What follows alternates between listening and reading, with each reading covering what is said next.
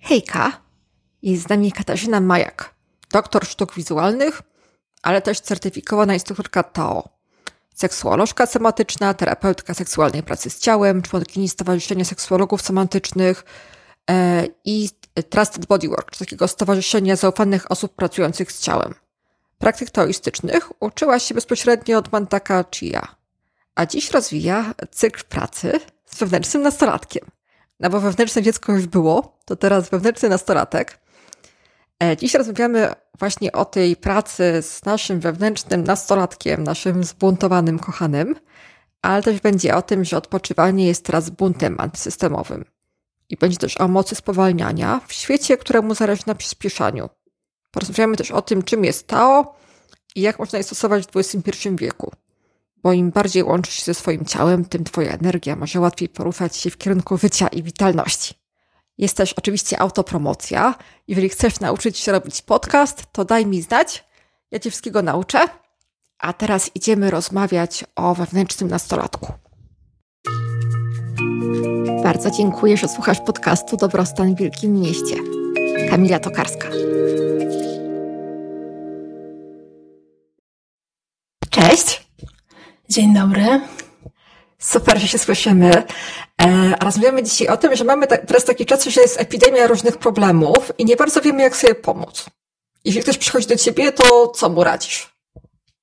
Przede wszystkim nie jest moim zadaniem radzić, bo kojarzysz taki żart o cioci dobrej radzie.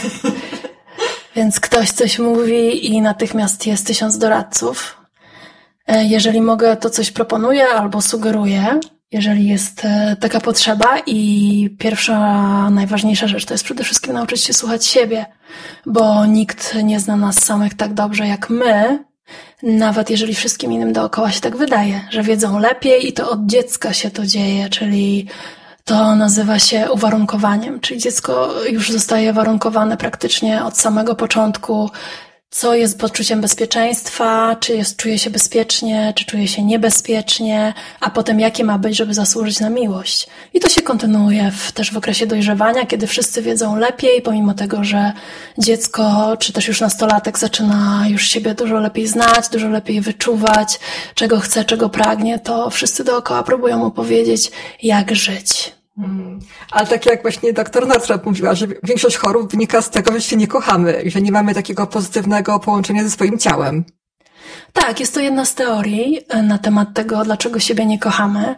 Natomiast to, e, co w ogóle oznacza kochać siebie, bo najpierw dobrze jest sobie zdefiniować, co to oznacza dla każdej osoby kochać siebie, a dopiero potem można mieć do tego jakieś, wiesz, odnośniki i cokolwiek na ten temat powiedzieć, bo dla każdego z nas oznacza to coś innego.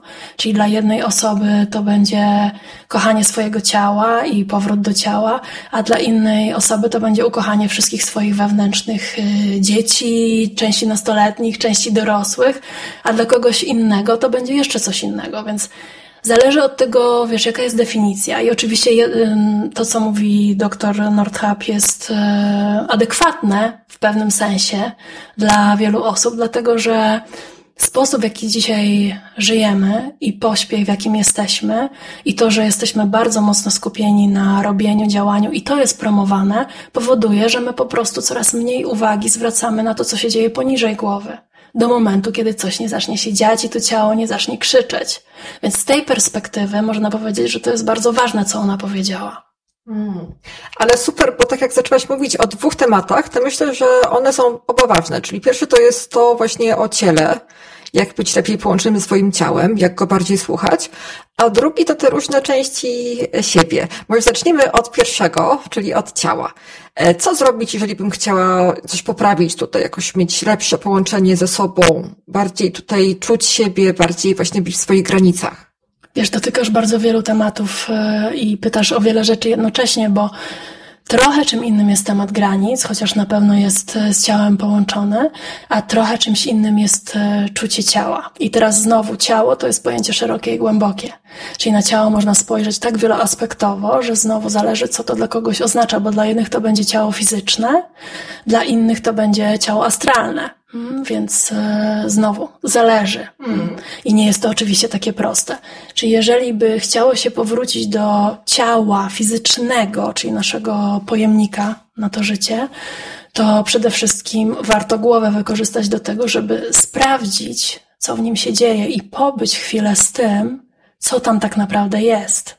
I czy mam czucie ciała i czy jakieś miejsca są w mniejszym czuciu, czy w większym, co tam się w ogóle dzieje, czyli żeby troszeczkę ta uwaga poszła w innym kierunku, nie za bardzo na zewnątrz, nie za bardzo w stronę działania, spełniania oczekiwań, zarabiania pieniędzy, które też wszystkie są aspekty oczywiście życia istotne, ale co na to moje ciało? I czy ono jest zmęczone, czy dla niego to jest w porządku, w jakim jestem miejscu, jeżeli chodzi o moje ciało, bo ono cały czas skanuje, czy jest bezpiecznie, czy nie, i cały czas wysyła nam jakieś sygnały, które my bardzo często ignorujemy, i z czasem to się nabudowuje do takiego stopnia, że zresztą są takie teorie, że po prostu wychodzi to poprzez objawy somatyczne potem, albo nawet poprzez choroby. E, ale też wiem, że uczy się wykorzystać energię seksualną w tym celu, żeby właśnie poczuć się lepiej, mieć dobrostan. E, jak to się robi? Energia seksualna brzmi wspaniale, bo się kojarzy z seksem. E, I seksem prawie każdy jest zainteresowany.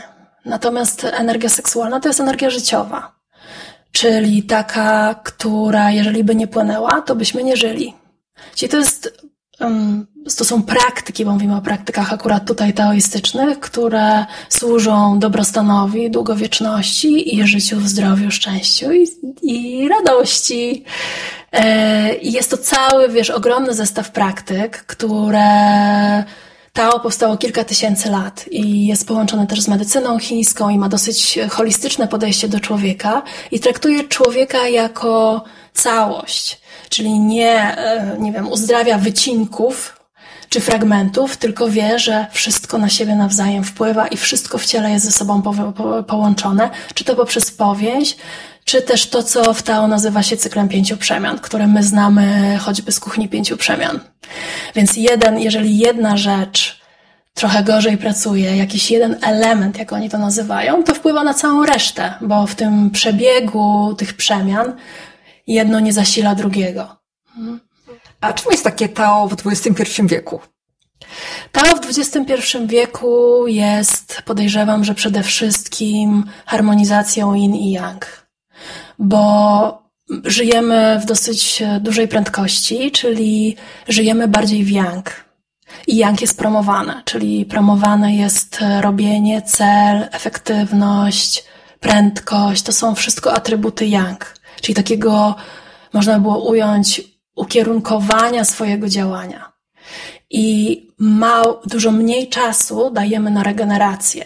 A jeżeli nie ma równowagi, na regenerację, którą to można rozumieć jako yin, czyli ten aspekt, który jest bardziej jak woda, jest bardziej nieprzewidywalny, jest bardziej nielinearny, jest taki, czasami się mówi, że bardziej kobiecy, bardziej emocjonalny, w związku z czym, jeżeli nie ma równowagi, to w pewnym momencie naszego życia, i to yang jest takie podbite, bo można by powiedzieć, że ono jest teraz bardzo podbite, to w Tao mówi się o tym, że zaczyna się funkcjonować na pustym yang, czyli się zaczyna zużywać rezerwuary energetyczne z takiego kapitału początkowego, które się ma z poczęcia a to nam nie służy, czyli na przykład drenuje nam e, nerki, czyli energię seksualną, bo tam jest ich e, źródło i epicentrum.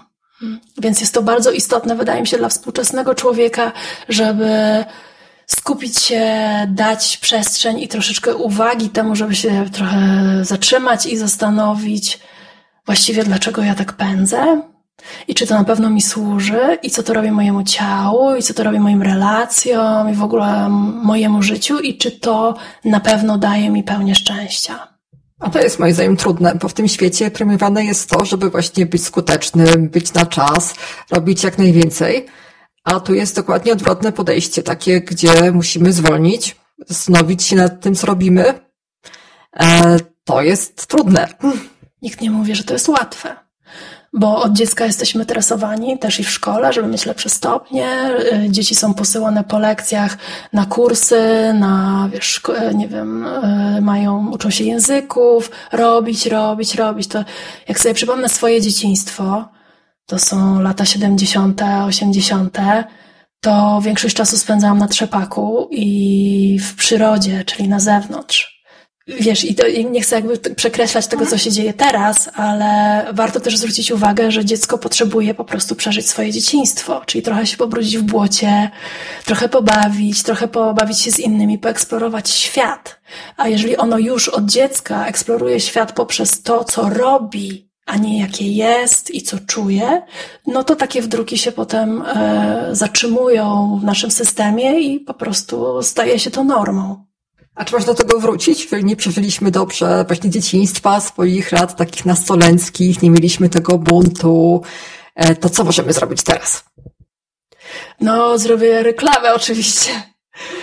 Wiesz, no są, jest wiele, wiele e, sposobów na to, oczywiście, i już jest wiele takich metod, które odsyłają nas do wewnętrznego dziecka, i dużo jest pracy tutaj już włożonych przez e, wiele osób, które mm, z tym wewnętrznym dzieckiem są już w kontakcie i je ukochują, i je przytulają i je znają. Natomiast mm, niewiele jest pracy takiej dedykowanej temu okresowi, kiedy tak naprawdę budzi się nasza energia seksualna w takim rozkwicie, bo jest burza hormonalna i kiedy dużo ważniejsze niż rodzice, dużo ważniejsi niż rodzice stają się nasi rówieśnicy. I to jest też taki moment w naszym życiu, kiedy tworzy się nasza wizja, tworzą się nasze marzenia, kiedy mamy ogromną ilość energii do tworzenia i jeżeli dookoła to zostaje zatrzymane albo powiedziane, że nie tak, albo jeszcze nie jesteś ty gówniarzu dorosły, to wtedy ta część nas gdzieś w nas mieszka i ona czeka, ale ten ruch taki ku temu, tej pasji, która była z tamtego okresu, zostaje nieco powstrzymany i bardzo często już w dorosłości, czyli w tym wewnętrznym dorosłym, wchodzimy właśnie w ten tryb robić, robić, yy, wiesz, zarabiać i tak dalej. A jak właśnie mieć lepszy kontakt ze swoim tym wewnętrznym nastolatkiem? Bo to nie jest taki bebik, niemowlę, które po prostu przytulimy i mamy z głowy. E, to jest jakaś taka osoba szalona, dzika, zbuntowana. Jak w ogóle do tej osoby dotrzeć? No właśnie. Bo tutaj, wiesz, dotykamy już całego takiego procesu, który można sobie właśnie na, na tym e, cyklu, w tym cyklu, który będę prowadzić wewnętrznego nastolatka, dotknąć, czyli przejść przez ten moment, kiedy poczuje się i wróci do tego momentu takiego bardzo często toksycznego klimatu w domu, kiedy ten nastolatek już jest na tyle dojrzały, że może wyjść, może spędzić czas e, z rówieśnikami, są osiemnastki, chodzi na imprezy, eksploruje, jest ciekawy, są pierwsze doświadczenia seksualne, a jednocześnie jest to ten motyw taki stłamszenia i to, co się w nim budzi, nie będę mówić, co to jest, bo to jest właśnie taka wisienka na torcie w tym, w tym e, procesie. Nie zostaje zrealizowane, bo nie może, bo on wie, że z domu za bardzo jeszcze nie może się wydostać nadal jest jeszcze zależny od rodziców, w związku z czym to gdzieś czeka. I to jest tak jak pod przykrywką, czyli na przykład może się to pojawić w późniejszym w życiu w takich pstryczkach do kogoś. Czyli nagle coś mi się wysmykuje, takiej złośliwości. To jest bardzo często z nastolatka. Y, więc zapraszam na ten cykl. To jest bardzo piękny proces, w którym można też rozpoznać różnice pomiędzy tym aspektem naszego worka z wewnętrznymi dziećmi, tego worka z tymi częściami, które się wytworzyły w e, okresie dojrzewania, ale też z tym kawałkiem nas, który jest naszym wewnętrznym dorosłym i więcej. Hmm. A to jest w ogóle niesamowite, bo nie słyszałam o takim podejściu wcześniej. A też właśnie e, to bycie nastolatkiem to jest też taki okres, kiedy się budzą różnego rodzaju nasze zainteresowania, nasze pasje, to, co my właściwie chcemy robić w życiu. To, że nie tylko chodzi o to, żeby być w szkole czy w pracy i robić to, co nam się tam każe, ale też takie nasze własne po prostu bycie sobą. I myślę, że wielu osobom dobrze by zrobiło taki właśnie powrót do tego, co lubiły robić. Właśnie, kiedy, nie wiem, nie dostawały za to pieniędzy, tylko robiły to dla czystej pasji robienia, bo są nastolatkami. E, czy masz jakieś takie, e, jakby, jak to można zrobić, żeby w ogóle odkryć, co się lubiło wtedy robić, co było taką iskrą? No, warto wrócić właśnie do tego aspektu w sobie nastolatka, bo to tam się budzi ta pasja, czyli można by powiedzieć, że powrót do swojej części, którą można nazwać wewnętrznym nastolatkiem, jest poszukiwaniem utraconej pasji. No i tak samoczynnie być może nie będzie to takie proste, ale jeżeli się już dotknie tego kawałka siebie i rozpozna, że to jest właśnie z tego okresu, to potem jest już bardzo łatwo do tego wracać i dawać temu możliwość, żeby się bardziej pokazało w świecie. A jak jest z takimi negatywnymi aspektami wewnętrznego nastolatka, czyli właśnie to, że, nie wiem, wkurzają nas autorytety, że coś jest napisane, żeby tak zrobić, a my zrobimy odwrotnie, e, że właśnie, nie wiem, czujemy się często właśnie, nie wiem, nie wiadomo dlaczego przygnębieni albo wkurzeni. Jak z tym pracować? No podobnie, no bo to jest tak jak wiesz, mówi się o wewnętrznym dziecku. I bardzo często skupiamy się na zranionym wewnętrznym dziecku, czyli mówimy, co było nie tak, jak to było źle, że w ogóle rodzice B, ale to nie jest cała prawda na temat dzieciństwa, bo jest też w nas cały czas to magiczne dziecko i to jest do rozpoznawania, bo jeżeli to zranione dziecko jest bardzo silne w nas, to trudno jest się połączyć z tym magicznym dzieckiem. Ono jest gdzieś, wiesz, schowane i mm, nie za bardzo ma miejsce, żeby się w ogóle wychylić, bo te zranienia tak mocno są żywe, że one nie, nie umożliwiają temu dziecku magicznemu, żeby ono mogło się bardziej przejawić. I podobnie jest z nastolatkiem, czyli to, co mówisz, też bardzo często zaczyna się w czasie e, dojrzewania, jest takim, taką czkawką, która się odbija po tamtym okresie buntu. A też często wielu z nas w ogóle nie przeżyło tego buntu, że nie było warunków, bo musieliśmy sobie jakoś poradzić. E, widzieliśmy, że koledzy się buntują, że szukają własnej drogi. Też często jak patrzymy na przykład na swoich znajomych e, ze szkoły, że często te osoby, które właśnie były kiedyś pogubione, zbuntowane, to teraz sobie świetnie radzą, bo już przeżyły to. A te osoby takie właśnie ułożone, co nie było z nimi żadnego problemu, to nagle się okazuje, że teraz w wieku, nie wiem, 40 lat przeżywają ten bunt, którego nie przeżyły kiedyś. I to jest potrzebne każdemu. Można tak powiedzieć. Bo jeżeli patrzeć na swoją linię życia, to to, co się zadziało w dzieciństwie, ma swoje reperkusje w życiu dorosłym, ale podobnie jest w okresie nastoletnim. I teraz w naturalnym przebiegu takim rozwojowym bunt jest potrzebny, bo on po, y, pozwala nam się zidentyfikować jako samodzielne jednostki.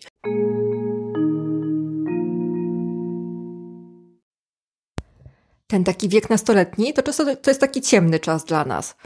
E, że jakby nie tylko cieszymy się, że mamy dużo wolnego czasu i że możemy eksplorować siebie, ale często jesteśmy właśnie w jakimś przygnębieniu, w tym, że nie wiemy co dalej, że jakoś czujemy się stłamszeni. E, I co ta twoja metoda mówi o tym okresie, jak właśnie, jak sobie poradzić z tym?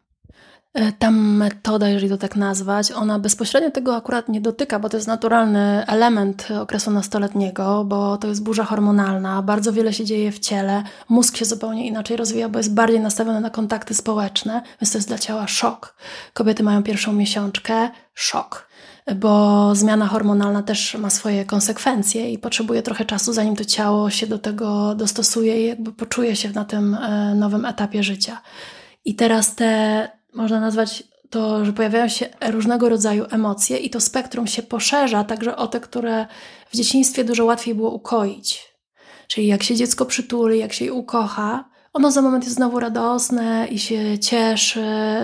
To jest in, no, inment trochę ma przebiegi. Natomiast w okresie nastoletnim to już nie jest takie proste, tym bardziej, że wszelkie ruchy, nie wszelkie, ale dużo ruchów tego nastolatka jest krytykowane przez otoczenie i dookoła ludzie wiedzą lepiej, co jest dobre dla nastolatka. I on zaczyna się w tym po prostu czuć e, zagubiony. Hmm?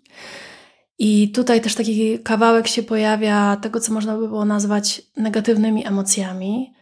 I tu dotknę też to z perspektywy Tao, bo i też angielskiego, bo to fajnie tłumaczy, czyli że emocje to jest emotion, czyli e, energy in motion, czyli energia w ruchu. Mm.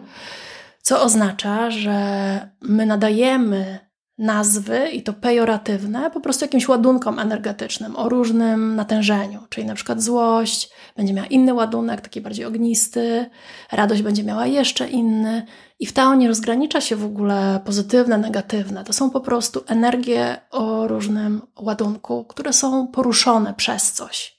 I na końcu, my w pewnym czasie dopiero jesteśmy w stanie sobie, wiesz, swoim korą nową nazwać, aha, to jest ta emocja. Hmm. A jeszcze jakbyś powiedziała, jak dbać o siebie teraz, bo jakby właśnie możemy wrócić do naszego wewnętrznego nastolatka i pracować z tym aspektem, ale jeśli jesteśmy już po prostu dorosłe, chcemy zaadresować te problemy, które mamy teraz w naszym życiu, zwłaszcza problemy zdrowotne, e, to jak dbać o siebie, będąc kobietą? Temat bardzo szeroki bo każda kobieta jest inna i każda już też ma za sobą inną historię, każda jest na innym etapie życia. Więc mogę powiedzieć bliżej takiego wieku, w którym ja jestem, czyli jest taki około menopauzalny, przede wszystkim dbać o yin, czyli spowolnić. I to jest też taki czas, e, na przykład według Tao, w którym, e, który jest nazywany drugą wiosną. Czyli tam w ogóle znowu nie ma pejoratywnego podejścia do menopauzy, mówi się o tym całkiem normalnie, czyli że to jest taki coś w rodzaju powrotu do tego, co było sprzed pierwszej miesiączki. W związku z czym akurat w tym momencie życia jest bardzo ważne, żeby kobieta, i kobieta też jakby to się samo, samoczynnie zadziewa, że ona coraz bardziej się skupia na sobie, bo najczęściej ma odchowane dzieci, już jest tam w jakimś momencie kariery, w związku z czym ma przestrzeń na to, żeby się zajmować sobą. I jedna z bardzo ważnych rzeczy to jest to, co mówiłyśmy na początku, czyli to, żeby wspierać yin czyli wspierać regenerację, bo tych sił życiowych nie ma już tyle co kiedyś, nie na wszystko można sobie pozwolić, a mamy więcej czasu i wydaje nam się, że możemy. W związku z czym dobrze jest też znowu zwracać uwagę na to, co nam mówi ciało i słuchać go jeszcze bardziej niż, niż wcześniej i po prostu dawać sobie czas na to, żeby to ciało mogło się regenerować tyle czasu, ile potrzebuje. Są oczywiście też praktyki taoistyczne dedykowane menopauzie. Nie ma tego aż tak dużo, ale są. Na pewno polecałabym też e, praktykę z jajeczkiem, bo ono jest dobre w każdym momencie, czyli żeby tę soczystość e, w joni, która mogła troszeczkę się zmniejszyć z powodów hormonalnych, żeby ją cały czas trzymać i żeby to pielęgnować i też po, połączenie siebie z tą częścią, która dla wielu kobiet jest bardzo trudne. E, niedawno do mnie ktoś napisał na Facebooku mężczyzna, że jego kobieta właśnie weszła w menopauzę i powiedziała, że to jest koniec jej życia seksualnego i on bardzo, bardzo to przeżywa. Nie wie zupełnie co zrobić i jak ją może wesprzeć. Czyli gdzieś jest takie uwarunkowanie i takie przekonanie w społeczeństwie, że w dużej mierze to jest dla kobiety koniec. A tymczasem to wcale nie jest koniec, bo jak pokazują badania, bardzo wiele kobiet y, przeżywa pik, szczyt swojego życia seksualnego i możliwości doświadczania siebie właśnie w tym okresie. Więc to jest też zadbanie o dietę, o wszystko, y, o sprawność fizyczną, czyli o to, żeby był ruch, żeby nie było stagnacji chi y, w ciele. I oczywiście ja polecam praktyki taoistyczne, czyli wszelkiego rodzaju qigongi, Również fantastyczne są wszelkie praktyki, które spowalniają ruch, czyli które są bardziej w słuchaniu, takim bardziej organicznej chęci płynącej z ciała, co ona potrzebuje, niż forsowaniu. To brzmi jak taki niesamowity luksus i dobrostan, czyli zastanawiać się właśnie, czego ja potrzebuję, co chcę robić, na co mam ochotę, czyli nie, że robię jakieś rzeczy, bo zawsze je robiłam i że trzeba je robić, nikt tego nie zrobi, tylko właśnie czego ja chcę. I też e, właśnie e, też a propos nastolatka, to też takie odpoczywanie jest teraz takim wyrazem buntu e, że wszyscy nam mówią, żeby właśnie się hetać, żeby jak najwięcej robić. Więc jak my sobie mówimy, że ja teraz odpoczywam, robię sobie okres, kiedy zajmuję się sobą, to to jest największy bunt nastoletni, jaki w ogóle można mieć ever. Fantastyczne połączenie. Dokładnie tak jest. Czyli można by powiedzieć, że to jest taka rebelia antysystemowa, trochę antypatriarchalna, który, jak wiadomo, system ma swoje oczekiwania i po prostu wymusza to na nas przez, e, wiesz, wszelkiego rodzaju obostrzenia, co na przykład COVID pokazał. I tutaj nie było się nawet jak za bardzo zbuntować, po prostu to było tak przeprowadzone. I jeżeli nie udało się tego buntu przeprowadzić wcześniej, to to jest fantastyczny pomysł na bunt. I to jest bunt, który nam służy, a nie jest typu na złość mamie odmrożę sobie uszy. Dokładnie. Super. Dziękuję Ci za rozmowę. A jakbyś powiedziała na koniec, gdzie Cię można znaleźć? Gdyby ktoś chciał dowiedzieć się więcej, może na przykład popracować z wewnętrznym nastolatkiem pod Twoim kierunkiem, to gdzie Ciebie szukać? Wewnętrzny nastolatek to jest tylko kawałek różnych rzeczy, które dotykam.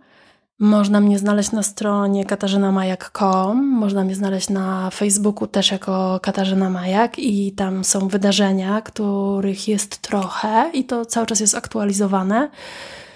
Są to warsztaty wyjazdowe dla kobiet i dla mężczyzn, głównie skupione na powrocie do ciała. Są też warsztaty z praktykami taoistycznymi, głównie dedykowanymi kobietom. Są też sesje indywidualne. Można się zapisać przez moją stronę i to może być stacjonarnie w Warszawie, a to może też być online. Także bardzo zapraszam i też Kamilo Ci bardzo dziękuję za zaproszenie i za rozmowę. To ja bardzo dziękuję i się buntujmy i odpoczywajmy. Yes. Dziękuję za wspólny czas. Jeśli masz jakieś pytanie po tym odcinku, po prostu napisz. Będzie mi bardzo miło, jeżeli polecisz ten odcinek swoim herbatnikom i powiesz im, że słuchasz podcastu Dobrostan w Wielkim Mieście.